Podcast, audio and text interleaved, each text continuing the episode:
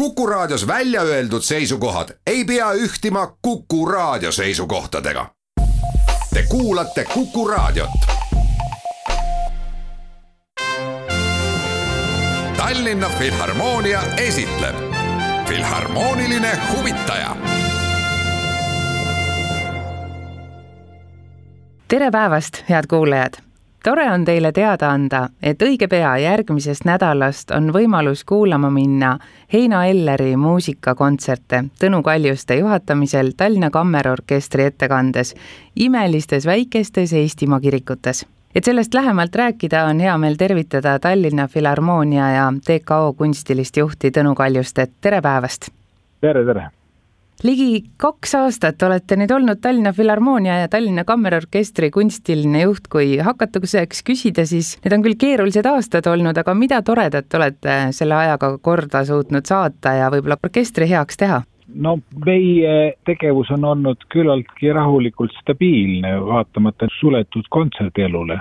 oleme teinud häid lindistusi, plaadistusi ja see aeg on nii lennatusi läinud, et ei ei oska väga nimetada seda suureks auguks, jah, see oli ebatavaline, aga ta andis võimalust rohkem süvitsi minna, eks seda juttu oled paljud rääkinud, kes on harjunud tormama päevast päeva, kui nüüd tuli see äh, võimalus olla rahulikumalt, siis see tuli ainult kvaliteedile kasuks. et oligi selline vajalik mõtisklemise aeg? just täpselt rääkides siis Heino Elleri muusikakontserttuurist, siis ähm, just sellesama muusika te ju lindistasite kakskümmend aastat tagasi ka koos Tallinna Kammerorkestriga ja andsite välja plaadi Neenia, Elleri kaunid keelpilli orkestriteosed. mis selle ajaga on muutunud või mida te uut olete nendest teostest ise avastanud? eks selle muusika taasesitamine on ju tegelikult kahekümne aasta tagune asi, kui te mõtlete selle peale, kuidas äh, sümfooniaorkestrid paljud suured kollektiivid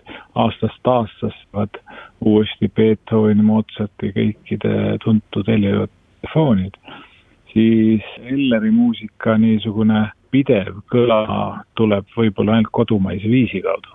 tema teised teosed on võrdlemisi vähe mängitud, kuigi see plaadistus, mis me tegime, andis palju juurde sellele tühjale kohale. selle tõttu ma mõtlesin selle väikse traditsiooni peale, mis tekkis eelmine aasta, kus me Tallinna Kammerorkestriga ütlesime jätkata seda traditsiooni augustikuus väikestes Eesti kirikutes esimest ja sellepärast siis tulevad nagu taas ettekandele, aga kui te küsite nüüd, et mis selle aja jooksul muutunud on, siis eks meie oleme muutunud ja kui me vaatame selle muusik peale niisuguse kahekümneaastase distantsiga, siis on endal muidu veidi piinlik, et nii vähe seda on ette kantud. nii et selle tuuriga saab see muusika nagu meil endal sisse mängitud. aga oli siiski midagi, mida te ise avastasite nüüd nendes lugudes, mis esitamisele tulevad kontsertidel? jah, ma mõistan küsimust.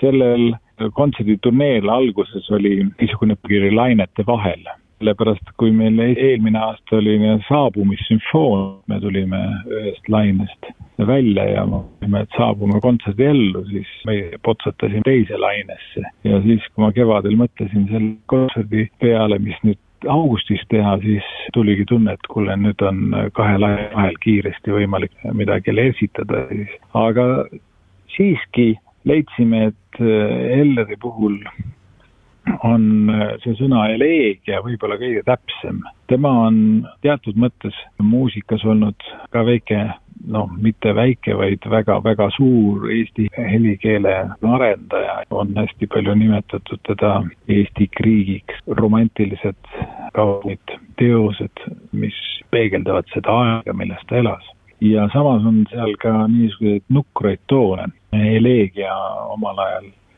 sai alguse mõistest, et nutulaul või et on kurb laul.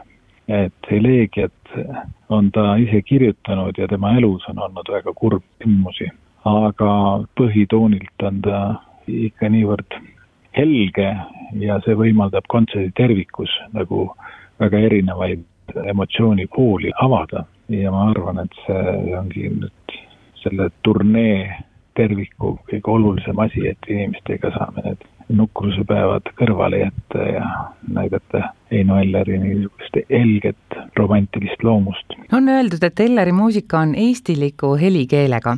Tõnu Kaljuste, mida see tähendab, milline on see eestilik helikeel? no kui seda on öeldud, siis on tahetud, et see oleks nii eesti helikeel.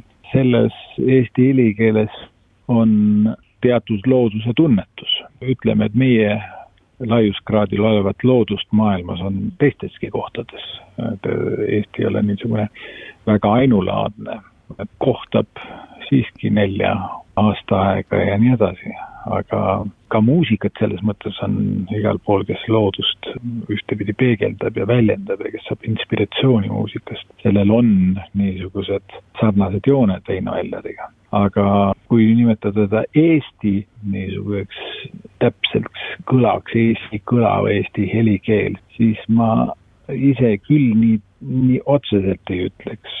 ma arvan, et ta on selle ajastu Eesti helikeel ja need romantilised orkestriteosed annavadki niisugust noh, maalilisust ja väga rahulikku aega mõelda kõikidele nüanssidele, mida ta oma muusikasse on sisse toonud. nii et olgem nagu tänulikud, et seda on nimetatud Eesti muusikaks ja Eesti tunnusjoontega muusikaks, aga samas, kui sa tunned maailma muusikat veidi laiemalt, siis ta on siiski rahvusvahelise niisuguse kõlapildiga. Hilleriga on äh, pisut see lugu, et ta on väga armastatud, teda teavad kõik, aga tema loomingut tuntakse siiski vähem, et Koit võib-olla, Kodumaine viis muidugi on need, mida ilmselt enamus eestlastest teab kaasa ümiseda. aga miks on kuidagi ülejäänud looming ikkagi noh, jäänud nagu varju pisut, ta ei ole nii tuntud?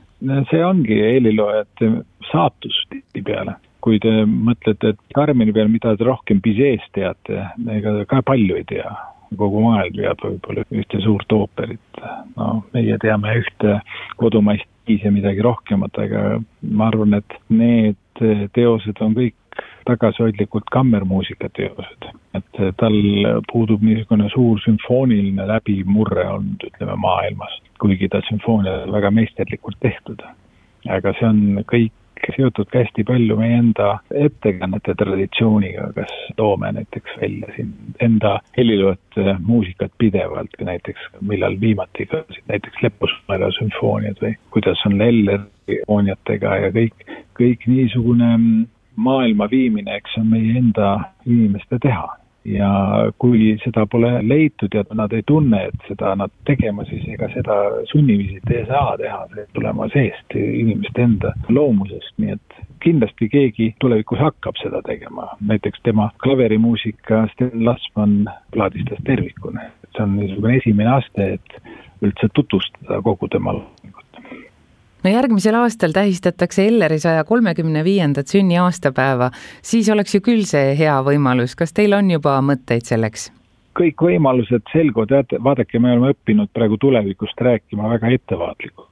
et mis meie tulevik toob ja kuidas me planeerida saame, nii et me käime nüüd nädal korraga, vaatame, kuidas elu liikuma hakkab, aga loomulikult Elleri sümfooniat ma olen juhatanud omal ajal Noblessneri valukojas kõiki nelja ja eks oleks aeg muidugi uuesti nad välja tuua, aga ei oska midagi ette kuulutada, aga meie repertuaaril Tallinna Kammerorkestriga need kõik need väiksed lüürilised süüdid ja sümfooniad ja sümfonietad ja need kõik jäävad. See on igal juhul küll asi, mida saame nüüd ette kuulutada, et need kontserdid Eino Helleri muusikaga algavad juba järgmisel nädalal. nimetan ka need kohad ära, head kuulajad, et teate siis, kuhu ennast sättida.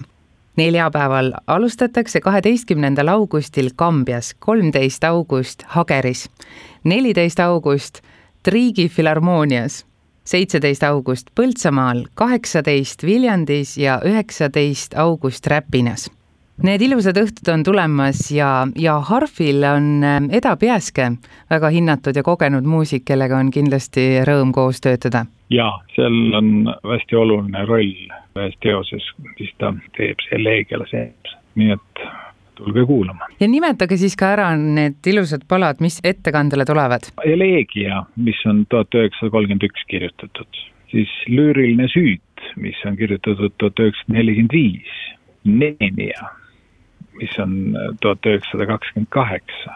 Ja sümfoniett suurem kuuekümne viiendal ja kuuekümne seitsmendal aastal. Ja siis need viis pala keelpilleorkestrile, kus ka kodumaine viis sees on kindlasti saavad väga ilusad õhtud olema. Ja hea meel on ka öelda, et Filharmoonia toetab meie tublide õdede ja hooldustöötajate pai kampaaniat. nii et kontsertidele saab pääsmeid lunastada ka pai kaardiga ja lisaks pakutakse nende kaartide omanikele viisteist protsenti soodustust, aga neid pääsmeid saab siis osta vaid enne kontserti algust koha peal. Ja soovi korral saab neid ette broneerida, kirjutades kassa.filharmoonia.ee Tõnu Kaljuste, ma väga tänan teid äh, selle eest, et te uuesti olete Eino Elleri muusikaga minemas nendesse imetabastesse pisikestesse Eestimaa paikadesse, kirikutesse koos Tallinna Kammerorkestriga. ma soovin südamest, et oleksid väga ilusad kontserdid ja suur tänu teile selle jutuajamise eest! suur tänu! kõike head ja head kuulajad, olgu siia lõppu veel öeldud, et äh, Heino Eller oli Tõnu Kaljuste esimene tööandja mis töö see oli ja kas ka palka maksti, seda saate teada siis, kui lähete kontsertidele, ostate kava ja loomulikult saate nautida imelist muusikat. kõike head teile ja ilusat suve jätku! Tallinna Filharmoonia esitleb Filharmooniline huvitaja